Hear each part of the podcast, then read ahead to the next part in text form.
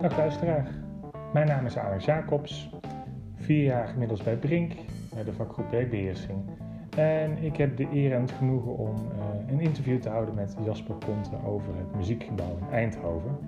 Hij heeft daar meegeholpen met een grootschalige renovatie en hij gaat er gedurende deze podcast meer over vertellen.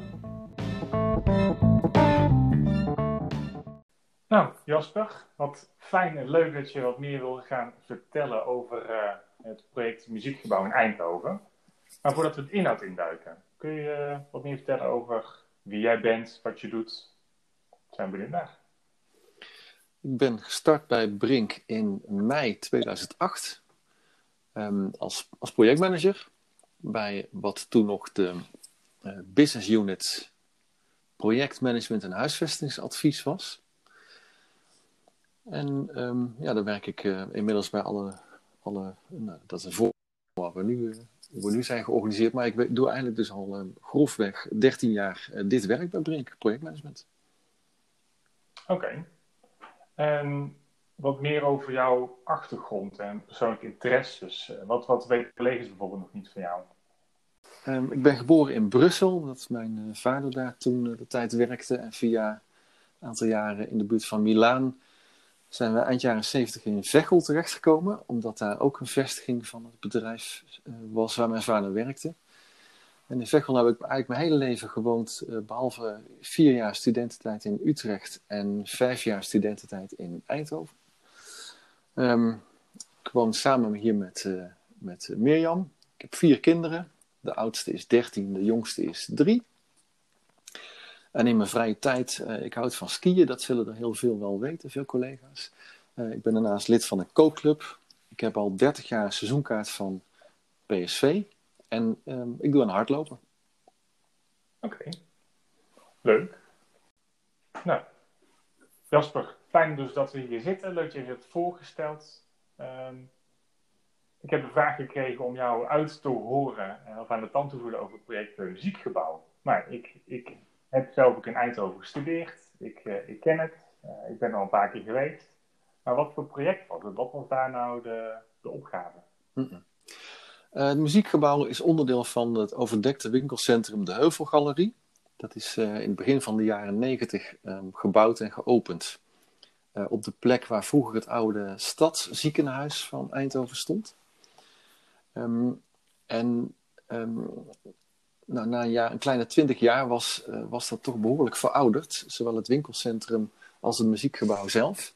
Het interieur was, uh, leek nog het meest op een bejaardentehuis.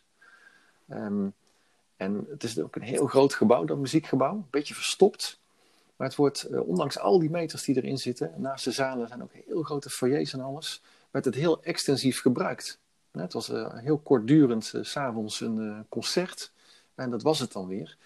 En dat was ook te merken in exploitatie.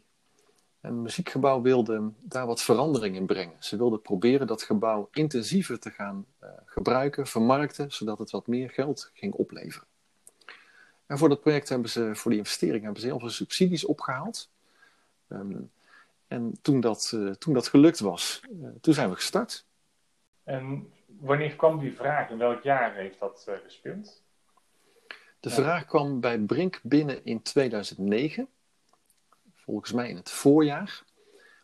En uiteindelijk de renovatie, de renovatiewerkzaamheden zijn gestart in uh, juni 2010. En we hadden maar heel korte tijd. En dat, um, je hebt natuurlijk een zomerstop in deze business, hè, in die, uh, in die leisure uh, sector. En die doet een paar maanden en dat was een beetje opgerekt in het jaar 2010. Um, maar het was toch zaak om zo min mogelijk concerten en dergelijke te missen. Dus we hadden, omgerekend, we hadden volgens mij 11 of 12 weken de tijd voor die verbouwing. Um, midden in de, de binnenstad. Uh, we hadden geen bouwplaats, althans het gebouw was zelf de bouwplaats. Um, het uh, WK voetbal was op dat moment, in 2010, hè, waar Nederland de finale speelde. Dus uh, de werktijden waren ook niet altijd heel goed voorspelbaar en soms waren mensen ook heel vroeg weg. Uh, het was sowieso uh, de bouwvak ook in die periode, dus er lag ook al redelijk veel stil. Het was in een voetgangersgebied, dus we hadden nogal wat, uh, wat obstakels. Maar het, is toch gelukt om, die, um, om de 11 miljoen investering in die 11, 12 weken ehm, te doen. Dus het was, het was echt net op tijd klaar. Oké. Nou, voor 11 miljoen verspijkerd in, in 11 weken tijd. Ja, dat is, dat is correct. En de, ik, ik weet nog de, de dag van de grote opening. Uh, smiddags, uh, het begin van de middag, de, de, opening was s'avonds, begin van de middag zat het gros van de stoelen in de grote zaal zat er nog niet eens in. Het, was, uh, het, het, is echt wel stress geweest om het allemaal af te krijgen. Ja. En de investering is um, voor een groot deel in zichtbare zaken gaan zitten, zoals nou, een hele nieuwe afwerking, plafonds, vloeren, wanden, heel veel design zit er in het gebouw. Uh, er zit ontzettend veel bladgoud in. Dus het is, uh, soms is het bijna.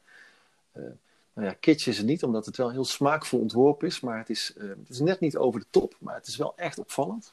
Maar er zit ook heel veel geld in onzichtbare dingen, zoals een complete vernieuwing van delen van de installatie. en er zit daarnaast heel veel audiovisuele installaties in het gebouw.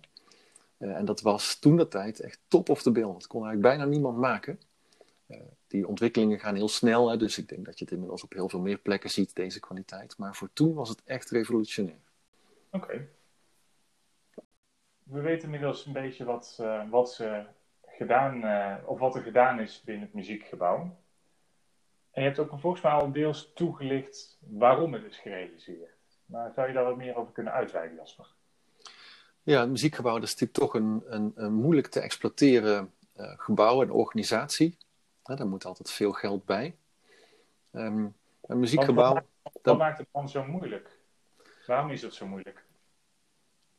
Um, dat geldt natuurlijk voor de hele uh, kunst- en cultuursector. Hè. Dat, dat, die hangt aan elkaar van subsidie. Als je de werkelijke kostprijs van kaartjes moet gaan doorbelasten, dan uh, wordt, wordt het voor, uh, voor heel veel mensen volkomen onbetaalbaar. dus daar zit veel subsidie in, niet alleen in Eindhoven, maar in alle muziekgebouwen in Nederland. En ook theaters en dat soort dingen. Maar dat neemt niet weg natuurlijk dat het muziekgebouw wel op zoek was naar hoe ze die verhouding kan optimaliseren.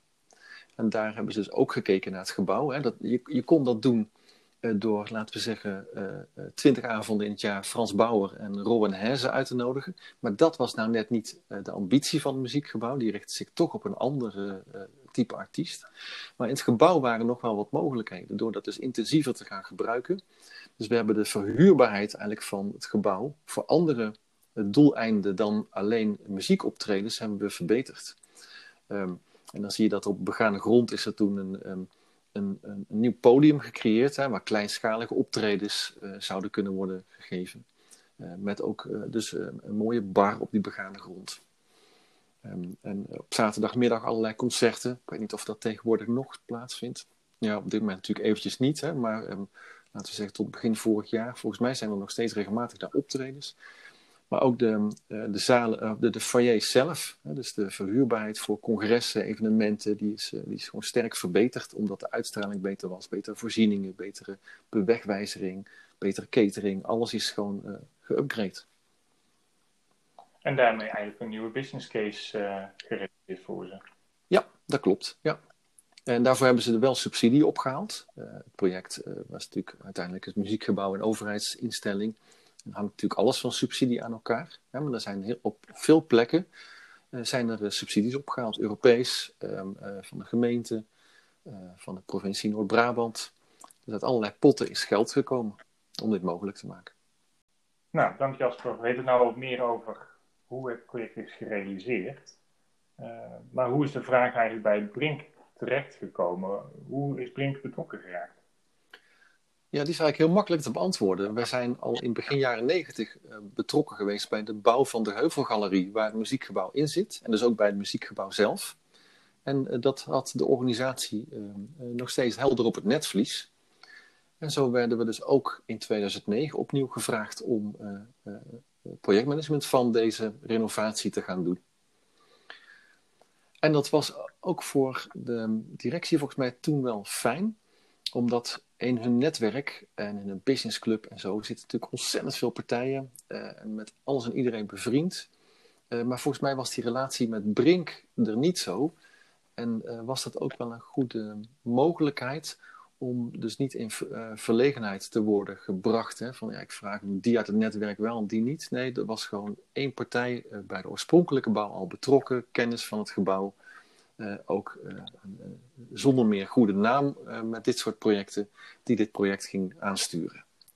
En zo zijn we dus één op één betrokken geraakt. En dat was natuurlijk nog best lastig, omdat het een grote opgave was. En het muziekgebouw natuurlijk wel zich aan de aanbestedingswet moet houden. Maar uiteindelijk is dat uh, met wat passen en meten is dat gelukt. Maar je zegt dat Brinke de realisatie van de Heuvelgalerie heeft begeleid in de jaren 90. Mm Maar niemand die toen betrokken is geweest, is nu bij, de, bij het muziekgebouw uh, betrokken geweest, of wel? Zit er overlap in? Uh, dat durf ik niet met 100% zekerheid te zeggen. Maar Paul Fonsen, die heeft ook aan het project meegewerkt in 2009, 2010. Um, die was contactpersoon. En het zou kunnen zijn dat hij er toch in de jaren negentig al bij betrokken was. En wellicht ook uh, Walter Luiten. Dat was uh, toen de tijd onze opzichter. Het zou kunnen zijn dat hij ook al in het verleden erbij betrokken was geweest. Maar je ziet natuurlijk dat, dat organisaties van buiten Brink dat toch anders zien. Hè? Soms. Hè? Die denken toch van ja, dat is de partij die het origineel heeft gedaan. Ja, natuurlijk zijn er wisselingen, hebben daar plaatsgevonden, maar die organisatie zal als zodanig nog wel goed uitgerust zijn om ons ook nu te helpen. Ook al zijn misschien de mensen er niet meer één op één bij betrokken. Ja. Welke andere collega's uh, waren nog meer betrokken? Want jij zelf, Paul ja. aan. Um, ik, ik, was uh, zelf, we hadden toen drie niveaus uitbrengen. Je had senior projectmanager, projectmanager en junior projectmanager. Ehm, ik was zelf de, de middelste uh, categorie toen, projectmanager. En boven mij zat uh, Paul Fonsen. En uh, met mij meehielp Maarten Zwemmer. Nou, alle drie zijn we nog in dienst. En we hadden als secretaresse Andy Luiten. Die is onlangs met zeer vroeg pensioen gegaan. En we hadden Walter Luiten, geen familie van Andy Luiten. En Walter Luiten was de, was de opzichter op het werk. Walter is helaas een paar jaar geleden overleden. En, na, nadat hij al met pensioen was gegaan. Oké, Jasper. Um, volgens mij was het in het stukje waarom is dit gerealiseerd, uh, dat je al wat aangaf over de obstakels die er zijn geweest. Ik hoorde je al zeggen dat het lastig was, omdat het in elf weken tijd moest gebeuren. Uh, dat het midden in het centrum van Eindhoven is, een voetgangersgebied. Er was ook nog een WK gaande. het was bouwvak. Nou, dat lijkt me heel wat obstakels. Maar zijn er nog meer obstakels geweest, of niet? Ja, er was zeker nog meer. We hadden ontzettend veel adviseurs en ontwerpers op het project. Um, en de, de, speelfiguren, uh, Niels van Eyck en Mirjam van der Lubbe, die waren al uh, gecontracteerd toen, ik, toen Brink aan boord kwam. En um, zij waren eigenlijk ook geestelijk vader van het, uh, van het idee, van het ontwerp. Eh, en waren dus ook niet meer aan de kant te zetten, even los van dat dat ook helemaal niet gewenst was. Maar we moesten om hen, om hen heen, en eigenlijk om een partij die, eh, die geen echte ervaring op dat moment had met het ontwerpen van dit soort grote gebouwen, om hen heen moesten we een team um, samenstellen. En dat werd uh, allens uh, groter. we kregen uiteraard een installatieadviseur, maar we kregen ook een lichtarchitect, we kregen een grafisch vormgever op project, een constructeur, een aparte akoesticus, een, een, een, twee uitwerkende architect, architecten Um, zowel eentje voor de buitengevel als een aparte voor de binnenkant. En een audiovisueel adviseur. Dus dat was een hele kruiwagen vol. Uh, en die moest natuurlijk uh, uiteindelijk een integraal ontwerp opleveren. Onder uh, coördinatie van de productontwerpers. Nou, dat was een uitdaging, kan ik je vertellen. Um, verder de omgeving heb je natuurlijk al over gehad. Zeer complex, maar we hadden natuurlijk ook te maken met dat winkelcentrum wat gewoon moest doordraaien. Uh, terwijl wij daar toch ook wel, zeker aan de gevel, best wel gevaarlijke werkzaamheden gingen uitvoeren met enorme glasplaten die moesten worden ingehesen. Dus daar moest de Heuvelgalerie echt voor worden afgezet. Hè, winkels dicht, schadevergoedingen, allemaal dat soort zaken. En ondertussen, de wet, eh, de momenten dat er gebouwd werd en dat de winkels open waren, was er toch ook wel wat overlast. Dat was eigenlijk niet goed te, helemaal te voorkomen. Uh, en daar hebben we behoorlijk wat gedoe over gehad en vervelende gesprekken en juristen erbij. We hebben dat uiteindelijk wel goed kunnen oplossen. Um, maar um, de weg naar de oplossing ging wel ook met hobbeltjes gepaard. Ja, dat kan ik me voorstellen, ja. ja. Dit project, uh, Jasper, heeft dat nou opgeleverd voor de klant wat hij van had verwacht? Ja, dat kun je wel stellen, ja. Daar, ehm, we hebben natuurlijk nog steeds contact met het muziekgebouw. En we zijn ook nog steeds sponsoren van hen, hoewel ik even niet weet hoe het in dit, dit jaar zit met corona. Ehm, maar we worden nog steeds met open armen daar ontvangen. En op elk moment uh, sinds de opening en nu um, kun je gewoon merken dat, ze, dat, dat ze, ze zijn trots op, uh, op dat resultaat en op, wat zij, op het gebouw dat zij nu hebben en de mogelijkheden die het biedt. En het leuke is, omdat het natuurlijk een publiek toegankelijk gebouw is, dat je het zelf kunt bekijken. Je kunt zo naar binnen lopen als je daar in de buurt bent. En het is, uh, het is, nog, steeds, het is nog steeds een spektakel. Ja, ja het, is, het is inderdaad een mooi gebouw, dat ben ik het mee eens. Maar het is ook altijd, altijd smaakgebonden. Um, ja. Wat heeft het voor Brink uiteindelijk opgeleverd? Voor Brink heeft het opgeleverd een, eh, een mooie locatie voor de nieuwjaarsdag 2011. Um, en uh, een project uh, uh, waar we onderaan de streep wat geld aan hebben verdiend.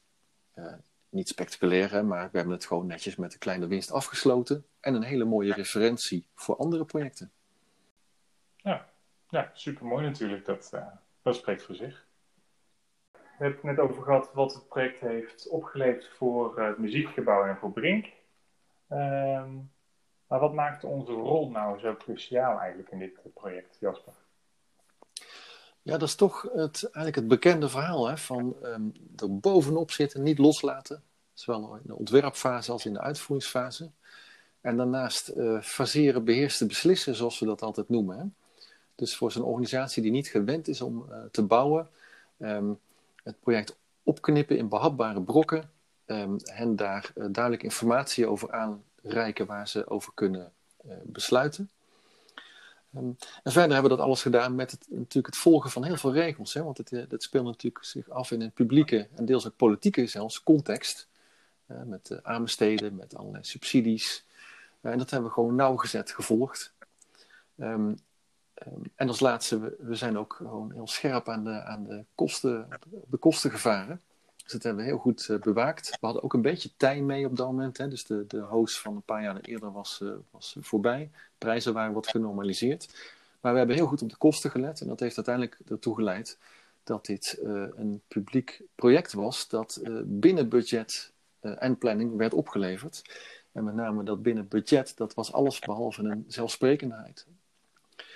Dus het project is in het algemeen een heel goede sfeer eh, verlopen en uh, ook afgesloten. En dat kun je nog steeds zien alle partijen die daaraan hebben gewerkt. Alle mensen, als die elkaar tegenkomen, daar is nog steeds een bijzonder uh, sfeertje onderling. Oh, dat is wel echt mooi te horen inderdaad, dat het daaraan over is gehouden. Ja. Want je gaf aan een van de obstakels was juist dat er zoveel mensen tegelijkertijd aan het project werkten. Um, dat ik me kan voorstellen dat het heel cruciaal is geweest om daar nou, goed management op, op te hebben zitten.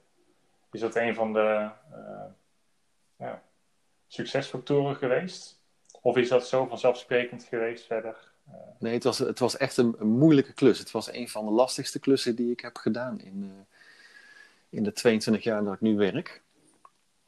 Um, maar omdat iedereen wel het gevoel kreeg gaandeweg het project dat we met iets bijzonders bezig waren, was de, de inzet en de bereidheid waren ook zeer groot.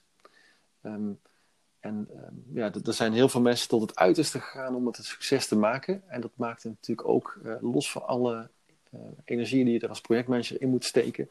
Maar ja, als, als mensen wel mee willen werken, dan heb je natuurlijk al, eh, dan ben je al een heel eind. Dus um, ja, zo is het een beetje verlopen.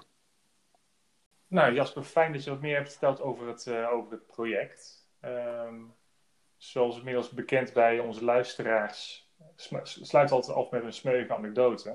Uh, of in ieder geval een, uh, een uh, leuke geste. Of een leuk feitje. Maar in ieder geval een, een goede uitsmijter op het project. Heb je daar eens voor, Jasper? Jazeker, ik zou er meerdere kunnen vertellen, maar ik ga er eentje doen.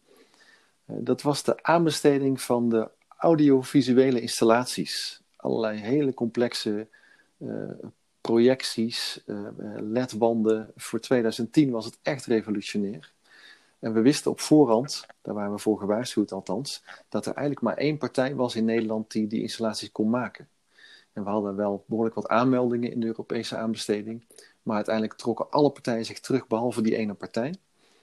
En uh, dat baarde ons natuurlijk in die gunningfase nogal wat zorgen.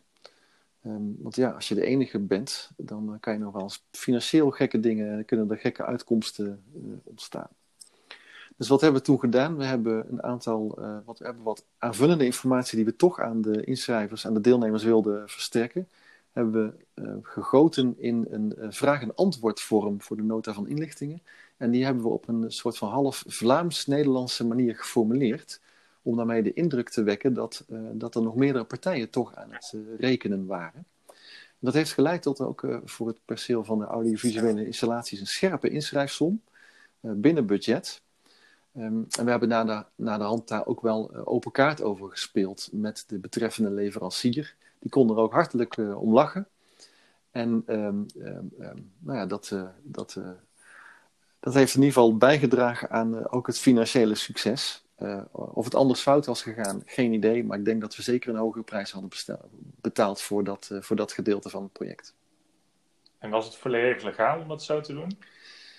Um, ja, dat, dat weet je nooit, omdat dit niet in de wet staat. Uh, ik kan me best voorstellen dat iemand daar iets van vond. Althans, maar de betreffende leverancier vond het, uh, vond het prachtig. En uh, die, heeft, ehm, ehm, die heeft uiteindelijk ook een mooi project daar gedraaid. maar we weten het niet. Hè. Er waren wel juristen bij betrokken. We zijn niet teruggefloten. En dat geldt natuurlijk in algemeen, algemene zin in aanbestedingenland. Ja, als het niet zwart op wit staat en ook niet blijkt uit jurisprudentie, dan kun je ook nog wel eens een keer gewoon iets proberen. En kijken of het stand houdt. Nou, dat heeft het hier gedaan. Ja. Nee, dat uh, durf ik met recht zetten een goede anekdote. Oké, okay, Jasper, hartelijk dank. Graag gedaan. Uh, ik denk dat onze luisteraars uh, blij zullen zijn nu ze meer weten over het muziekgebouw. En hopelijk dat we weer snel daar zelf ook een kijkje kunnen gaan nemen. voor sommige mensen opnieuw een kijkje kunnen gaan nemen hoe het eruit ziet. En ja, hartelijk dank. Kalk dan.